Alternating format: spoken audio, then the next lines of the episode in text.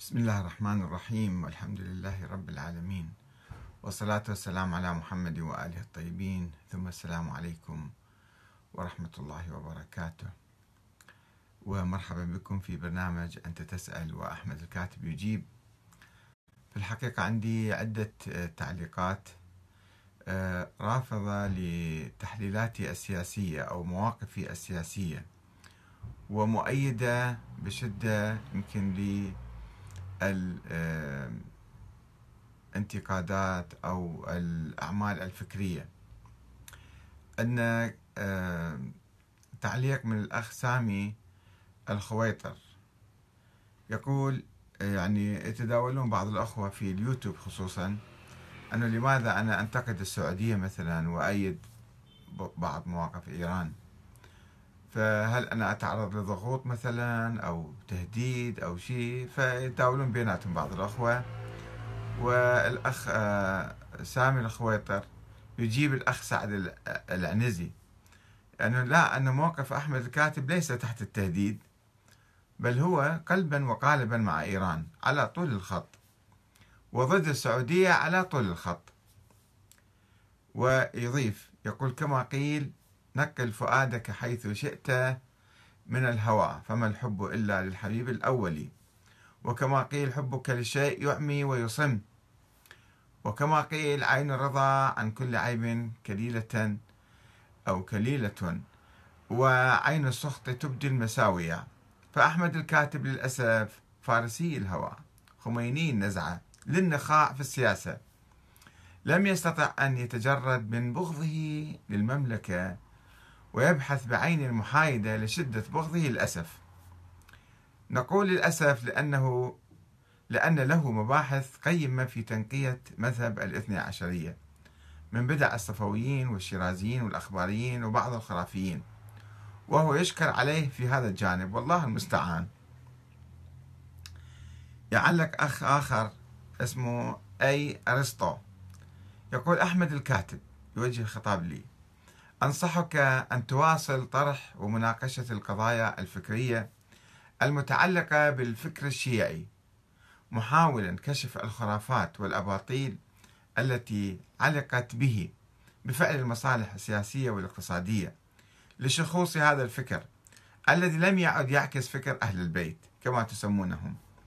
أما القضايا السياسية فاتركها لأهلها لأنك ما أن تتحدث بالأمور السياسية حتى تفضح أصولك ومرجعيتك السياسية لولي الفقيه للولي الفقيه الذي قضيت عمرك في تنفيذ نظ... في تفنيد نظريته. إنها نصيحة لوجه الله. وإذا لم تصدق ألقي نظرة على التعليقات على هذا الفيديو. يعني هذه مقاطع من بعض التعليقات اللي دائما تتكرر في الحقيقة ويتفاجئون عندما مثلا يشوفوني يعني إذا أنا انتقدت الفكر الشيعي فيجب أن أقع في أحضان السعودية مثل ما الشيخ حسين المؤيد مثلا أو بعض المشايخ اللي راحوا وحتى مو يعني اعتنقوا الوهابية لا وإنما تسعودوا في المرة واحدة حتى بزيهم حتى بكلامهم وبفكرهم وبتمجيدهم لآل سعود. في الحقيقة أنا ما أفصل بين الفكر وبين المواقف السياسية. وأساسا أني ما بحثت القضايا الفكرية إلا من أجل تصحيح الأوضاع السياسية. يعني أنا انطلقت في عمليتي هذه إعادة النظر التي قمت بها سنة في أواخر التسعينات يعني سنة 99 و 90 89 و 90 قمت بهذا لأني مثلا كان عندي ملاحظات على نظرية الولاية المطلقة ولاية الفقيه المطلقة في إيران التي طرحها الإمام الخميني بالكلام يعني. ولكن آه، بالدستور دستور إيراني موجود دستور بإيران. دستور يرسم يعني آه، نظام جمهوري إسلامي ويفصل آه، بين السلطات وما إلى ذلك في مسائل كثيرة. وفي نفس الوقت اللي أنا انتقدت الفكر الإمامي مثلا اللي وقلت أن هذا فكر يعني آه، مثالي وخيالي ووهمي وما موجود قائم على أساطير. طيب ما هي الخلاصة التي أريد أن أصل إليها؟ فقط أريد أن أنتقد التاريخ. هذا فكر تاريخي هو فكر غير موجود الآن الفكر الإمامي. موجود في الأذهان وفي الكتب وفي بعض الزوايا مثلا. من المدارس والتكايا ولكنه على أرض الواقع لا يوجد الآن فكر إمامي اثنا عشري يوجد فكر ديمقراطي جمهوري إسلامي دستوري.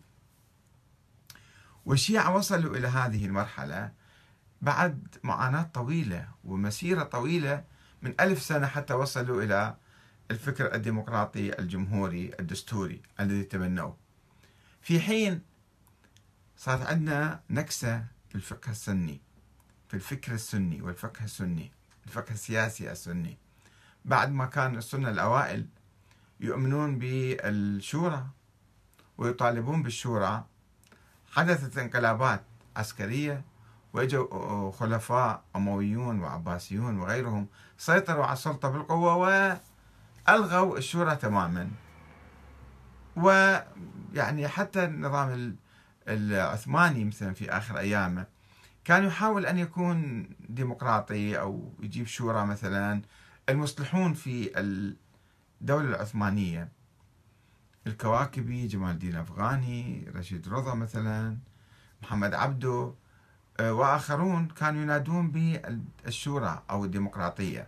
وحتى جرت انتخابات في سنة 1876 لإقرار دستور وأقروا الدستور ثم ألغاه السلطان عبد الحميد ثم بعد 30 سنة أيضا حدث انقلاب عسكري أجبر السلطان على القبول بالديمقراطية مرة أخرى فجرت انتخابات ووضع دستور 1908 يعني كان في مسيرة ديمقراطية في الحقيقة. والبرلمان آه، التركي العثماني نظر للديمقراطية تنظير رائع جدا وتوجد هاي الوثيقة معروفة وثيقة البرلمان أو مجلس الشورى العثماني آه، في التنظير للديمقراطية ونقد الفكر السياسي السني. أن كان في كل مصائبنا عبر التاريخ من هذا آه، السيطرة على السلطة بالقوة والتلاعب بمقدرات الأمة والاقتتال الداخلي دائما المستمر نتيجة عدم وجود ديمقراطية وعدم وجود شورى فكل واحد يمتعض من هذا النظام ومن هذا الحاكم يحاول إما ينقلب عليه عسكريا أو يتمرد ويشك آه، عصا الأمة ويشك يعني وحدة الأمة وتحدث حروب لا تنتهي. سلسلة من الحروب لا تنتهي. هذه المشكلة أيضا قائمة الآن في كثير من البلاد الإسلامية أن الحكام يسيطرون على السلطة بالقوة والعربية أيضا بالذات. يسيطرون على السلطة بالقوة أو يزورون انتخابات فتنشأ حروب ينشأ نظام ديكتاتوري تنشأ معارضة ضده يصير استعانة بالغرب. أيضا آه، تحدث آه، ثورات والبلاد كلها تتدمر وتهلك والثروات والطاقات والشباب والناس والبيوت كلها تهدم لأنه ما عندنا نظام ديمقراطي صحيح عادل يوفر العدالة ويكون ثابت ومستقر. دائما إحنا في قلق. نفس الشيء الآن عندنا في السعودية. في السعودية في نظام ملكي مستبد مطلق وما في شيء اسمه دور الشعب في السلطة أو مشاركة الحاكم أو حق الأمة في النقد في المعارضة في المحاسبة في المراقبة في امتلاك الثروة. في تقرير المصير. السعودية تقود حروب يوم بسوريا يوم بالعراق يوم باليمن يوم بالبحرين يوم يعني تفعل ما تشاء. والشعب ما له كلمة ممنوع عليه يعني. مهمش ومقصي مقصي تماما عن المشاركة في السلطة. يوجد طبعا مجلس شورى يسموه موظفين معينين. الحكومة تعينهم وتعطيهم قرارات بعض المسائل يبحثون فيها ويرجعون مستشارين يعني فقط. كما يقولون في الفكر السياسي السني الشورى المعلمة. يعني فقط يعني مو مو بالشيء يعني مقررة هاي الشورى أو مسؤولية أو ناس محترمين. حتى حصانة ما عندهم ذولا أعضاء مجلس الشورى في السعودية. فأنا عندما أنتقد انتقدت إيران. لم أنتقد إيران مطلقا. لا إيران متقدمة جدا في هذا المجال. على الأقل في المجال الدستوري وهو أساس أي نظام يعني. وقمت ببحث هذا الموضوع يعني الشرعية الدستورية في الأنظمة السياسية الإسلامية المعاصرة. وعملت مقارنة وقدمتها على أساس رسالة دكتوراه في جامعة الملك هنا King's College سنة 2009 آه، أنه أبحث مقارنة بين المملكة العربية السعودية والجمهورية الإسلامية الإيرانية. من حيث الدستور من حيث التطبيق يمكن تحدث بعض المشاكل أو بعض السلبيات. هذا في كل نظام في العالم يحدث. ولكن المهم النظام هو ككل هذا النظام كيف؟ بالحقيقة لم أجد أي مقارنة بين النظام السعودي والنظام الإيراني. يعني بين السماء والأرض الوضع. يعني في إيران أي واحد يحب يطلع عليه موجود الكتاب في موقعي. على النت أحمد الكاتب دوت نت. www بالإنجليزي طبعا أحمد الكاتب دوت نت. أه، شوفون التفصيل اللي بحثته يمكن استعرضته أيضا سابقا أه، هنا في أه، سواء من حيث الإقرار بالحريات الاعتراف بالحقوق الاعتراف بأن السلطة نابعة من الشعب. الشعب هو مالك السلطة الحقيقي والنظام يقوم على الإسلام وعلى الجمهورية على الشورى يعني. انتخابات مجلس البرلمان انتخابات الرئاسة انتخابات القيادة انتخابات مجلس خبراء القيادة أول شيء وينتخبون القائد. فكل المسؤولين في إيران منتخبون ومعرضون للمحاسبة والمراقبة سواء من البرلمان أو من الشعب أو من مجلس مثلا حتى القائد في إيران. القائد يعني المرشد يسموه القائد في الدستور. آه، السيد علي الخامنئي أو أي واحد. ينتخبوه 80 واحد مجلس خبراء منتخب من الشعب. وهذا المجلس ينتخب القائد ولكنه يظل مراقبة ويظل يعني مفتح عينه عليه وكل ست أشهر يعقدون جلسة لأن هذا مو مجلس تشريعي هذا مجلس فقط خاص بالقائد يعني انتخاب القائد. كيف أن أهل الحل والعقد مثلا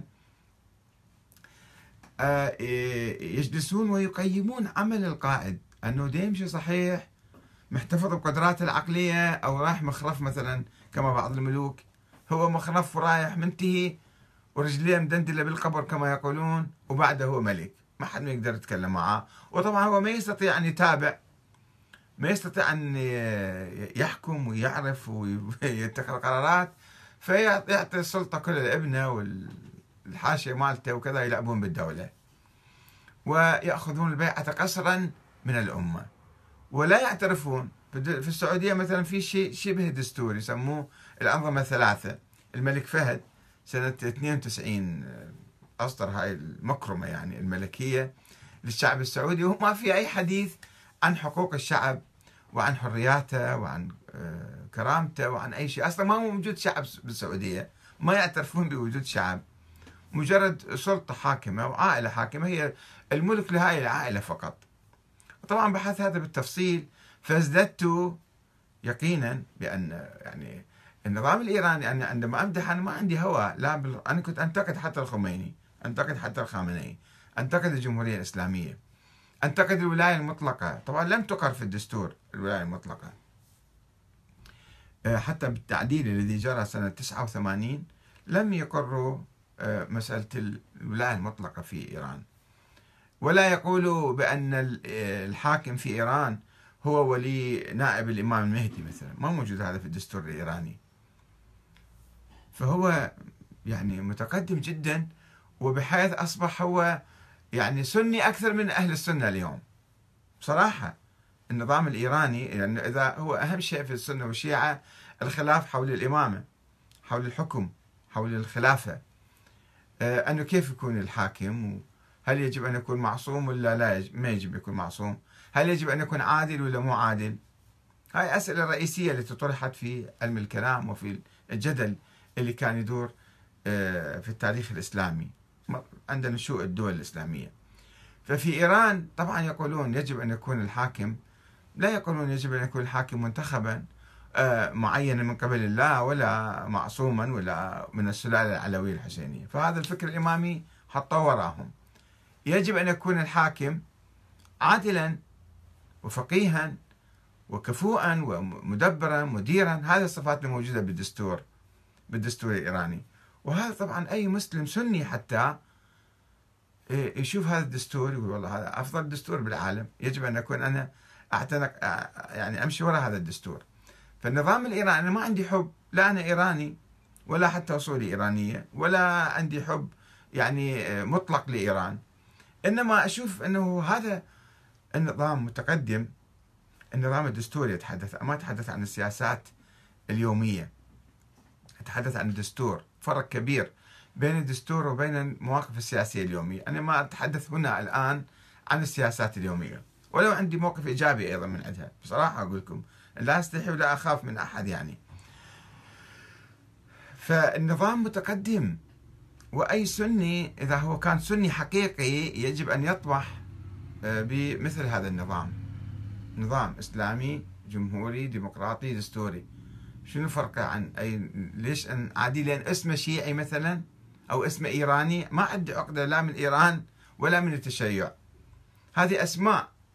إنما هاي تجربة حقيقة يجب أن تدرس وتحترم من قبل جميع المسلمين باعتبارها تجربة رائدة. في هذا المجال. طبعا في ثغرات. أنا لا أنقل هذا هو مثالي نظام مثالي وملائكة نازلين به أو نازل به قرآن. لا هو يعني آه، نظام كأي نظام ولكن عندما تقارن هذا النظام بين نظام وراثي مستبد مطلق عسكري قائم على السلطة بالسيف والقوة ويفعل ما يشاء والحاكم يعني يفعل ما يشاء ولا أحد يحاسبه ولا أحد يراقبه ولا أحد ينتقده ولا أحد. يوم يتبنى الوهابية. وتعالوا كفر العالم وتعالوا كفر الشيعة وكفر حتى المسلمين. مرة واحدة يتبنى الألمانية. علمانية وليبرالية وفسق وفجور ورقص وغناء وكل شيء. مرة واحدة يتبنى العمالة الصهيونية ولأمريكا وكذا. مرة يدعي نحن عرب ومسلمين وإحنا كذا وحامل حرمين ومرة يصير خادم البيت الأبيض. يعني كل هذه التحولات والانقلابات طبعا في ناس يعلقون معروفين يعني أنا ما أسيلي أحد. في ناس آه، يتابعون صفحتي كثير يتابعون يتابعون الفيديو. هم من ال... يسموهم ذول يعني ال... اطلق كلمات قاسية يعني مخابرات أو يشتغلون بالأجهزة الخاصة فيها يتابعون ويعلقون ويحاولون يعني يسوون اعلام مضاد فيهاجموك بس تحكي كلمة ليش تأيد إيران؟ ليش ما أيد إيران؟ أنت ليش بتأيد إيران؟ ثم أنا مع الشعب السعودي لست مع النظام السعودي ولكني مع الشعب السعودي وهناك في السعودية حركة سياسية وطنية تطالب بالعدالة والحرية والكرامة والمشاركة السياسية. وكلهم في السجون الآن. أعرف بعضهم شخصيا ناس أبرياء حتى ناس وهابيين كانوا. أصدقائي الآن بالسجون لأنهم يطالبون بالعدل والحرية والمشاركة السياسية. أبسط شيء ما مسموح لهم. أبسط مشاركة مو مسموح لهم يشاركون. فإذا كان واحد وطني حقيقة بالسعودية طبعا يعني يؤيد هذا الصوت المدافع عن الحرية والمدافع عن العدالة والمشاركة السياسية. أنا لست مع النظام بصراحة لست مع النظام السعودي. كما لست مع النظام الإيراني ولكني أؤمن يعني أقدر هذه التجربة الإيرانية. وما أشوف في يعني آه، مقارنة بين الاثنين. رغم أني قارنت في هذا الكتاب الشرعية الدستورية الأنظمة السياسية الإسلامية المعاصرة آه، دراسة مقارنة بين المملكة العربية السعودية والجمهورية الإسلامية الإيرانية. وكلام كثير موجود أنا باختصار أتكلم. آه، فمع الأسف البعض يعني يريدني أنه يعني فقط أنتقد الفكر. الفكر الشيعي التاريخي ما موجود الآن. ميت. فكر منقرض. بائد. أجي أنتقده شنو شنو فائدته؟ ماذا يستفيد وماذا يستفيد الناس من نقد فكر ميت مدفون منقرض ما موجود الآن؟ المهم كيف تصل إلى الفكر المتقدم؟ كيف تصل إلى يعني حتى نقدي للفكر الإمامي هو من أجل تعديل نظرية ولاية الفقيه أن تكون ديمقراطية أكثر. هاي الخلاصة التي وصلت إليها وكتبتها في كتابي في خاتمة كتابي تطور الفكر السياسي الشيعي من الشورى إلى ولاية الفقيه. فقلت يجب أن آه، الأمة تكون ولية نفسها ولية على نفسها. الفقيه ما له سلطة لأنه فقيه أو لأنه نائب الإمام. يكون آه، مسيطر على الأمة. لأن هذا الإمام غير موجود. الإمام مهدي ما موجود وهم مجرد يعني فرضية. فإذا كان هذا فرضية فلا يوجد شيء اسمه آه، نائب الإمام حتى يحكم الأمة باسم هذا مثل المرجعية الآن. المرجع يقول لك أنا حاكم شرعي وأنا مثلا لي صلاحيات الإمام. حتى سيد السيستاني يؤمن بهذه النظرية من خلال فتاوى يعني مبين. أنه يؤمن أن الحاكم الشرعي هو نائب الإمام. هذا مو صحيح. أنا أرفض لذلك أرفض المرجعية حتى. أرفض المرجعية ليس الاستشارة العلمية. بالدليل. لا هذا شيء عقلي وارد. ولكن أرفض التقليد الأعمى لشخص يدعي أنه نائب الإمام وعنده سلطة عليا وصلاحيات عليا فوق الدستور وفوق الأمة وفوق الشعب. هذا خطأ. ولذلك أنا خلاصة كتابي خلاصة نقدي للفكر الاثنى عشري أو الفكر الإمامي هو أنه لا توجد مرجعية دينية. مرجعية دينية أقصد يعني ماكو واحد يحتكر الدين ويسيطر على الناس باسم أنه هو مقدس أو هو نائب الإمام. إنما المسألة الأمة هي ولية نفسها. تنتخب الحاكم وذاك الحاكم المنتخب يصبح حاكم شرعي. طيب في الوقت اللي إحنا نناضل ونجتهد من أجل التقدم بالفكر الشيعي نحو الأمام اللي هو صار فكر إسلامي لم يعد شيعيا هو فكر إسلامي. الآن في العراق فكر ديمقراطي يعني مدني مو فكر إسلامي هذا. مو فكر شيعي. يحترم الإسلام ولكن ليس فكرا سياسيا إسلاميا لأن لا يوجد فكر سياسي إسلامي. الخلافة مو مو من الإسلام. خلافة تجربة قومية وقبلية. تجربة صارت بالتاريخ. فما هي مقدسة. ولذلك يعني هناك حركات وخطوات نحو الأمام. سواء في إيران أو في العراق أو في أي بلد آخر عند الشيعة. والشيعة الآن متقدمين في طليعة الأمة الإسلامية. في حين ما في نظام بالعالم متخلف وسيء ودكتاتور ومستبد وطاغية مثل الدستور السعودي مثل النظام السعودي. راح شوفوا قارنوا قارنوا بين كل الدول العالم. وهو محمي بالصهاينة وبالأمريكان وبالغربيين وإلا هو ما عنده قوة ذاتية يقف على رجليه. في داخل الشعب السعودي. الشعب السعودي ما يؤمن بهذا النظام ويتحين الفرصة حتى يتحرر من عنده ويتخلص. لأن المفروض بالسيف فرض عبد العزيز بن سعود بدعم آه، بريطاني ثم صار دعم أمريكي. والآن دعم أمريكي صهيوني وتعال حارب إيران وتعال حارب العراق وتعال حارب اليمن وحارب سوريا كلها بالوكالة بالوكالة عن الدول الاستعمارية. ويوجد خلل في داخل النظام لأنه هو يتصرف بحرية في العالم عبد للمستعمرين لأنه هو آه، ما عنده علاقة مع الشعب. حتى الحركة الوهابية ضربها مرتين. النظام السعودي ضرب الحركة السعودية ضرب الحركة الوهابية في 32 في 32 عندما آه، سيطر على الوهابية حاولت أن تتمرد وتنطلق خارج الحدود بعد توقيع اتفاقية جدة في 1927 آه، عبد العزيز بن سعود ضرب الحركة الوهابية الأخوان كانوا يسموهم. ضرب الأخوان بالطائرات البريطانية وذبهم بالسجون إلى أن ماتوا قادتهم وثم الآن الآن مرة ثانية شوفوا شلون. مرة واحدة يجي ابن سلمان ويضرب كل المشايخ وسياستهم وأقوالهم وفتاواهم بصفحة واحدة. ولا أحد يستطيع من هؤلاء المشايخ أن يتكلم لأن هم أساسا مو مستقلين ولا معتمدين على الجماهير هم شيوخ وعاظ سلاطين. شنو يأمر الحاكم؟ هم يطيعوه. ما عندهم استقلالية. هذا عبر التاريخ عندنا مصيبة بالعالم السني خصوصا أن المشايخ كلهم موظفين يقبضون رواتب. وما عندهم لا دين ولا تقوى ولا يخافون الله. بينما مثلا شوفوا الآن أنتم في العراق المرجع السيستاني مثلا. رئيس الوزراء المنتخب بالعراق يريد يزوره ما يقبل مثلا ما يعطي طريق.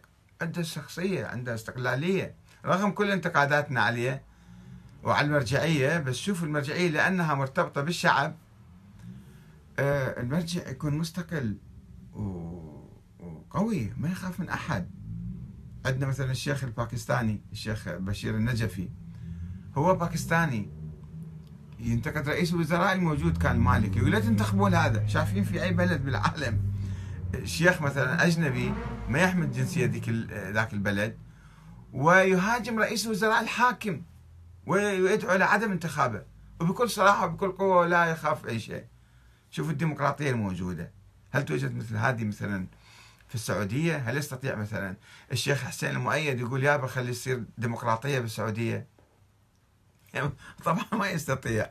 لا الشيخ حسين المؤيد ولا ابن باز ولا آل الشيخ ولا أي واحد يخافون على رؤوسهم للطير الله يرحم الشيخ نمر النمر. هو صديقه وتلميذي كان الله يرحمه. يعني تكلم في المهم في صلاة الجمعة خطبة ولا دعا للسيف ولا للثورة المسلحة. مجرد انتقد انتقادات بسيطة قطعوا رأسه. طيب هذا نظام إسلامي نظام عادل واحد يتكلم. إذا قال مثل ذاك عبد الملك بن مروان من يقول لي اتق الله أقطع رأسه بالسيف. ما حد ما يقول لي بعد اتق الله. ممنوع. تقولون اتق الله للحاكم مالكم. فشوي فكروا إذا إذا هذول الأخوة المعلقين فعلا مؤمنين بهذا النظام خلي يعيدوا النظر. وإذا هم مرتبطين كموظفين فما عندنا كلام وياهم ولا عندنا لا نستقبل ملاحظاتهم وهم خلي يتقوا الله قبل ما آه، يأمرون الآخرين بذلك. والسلام عليكم ورحمة الله وبركاته.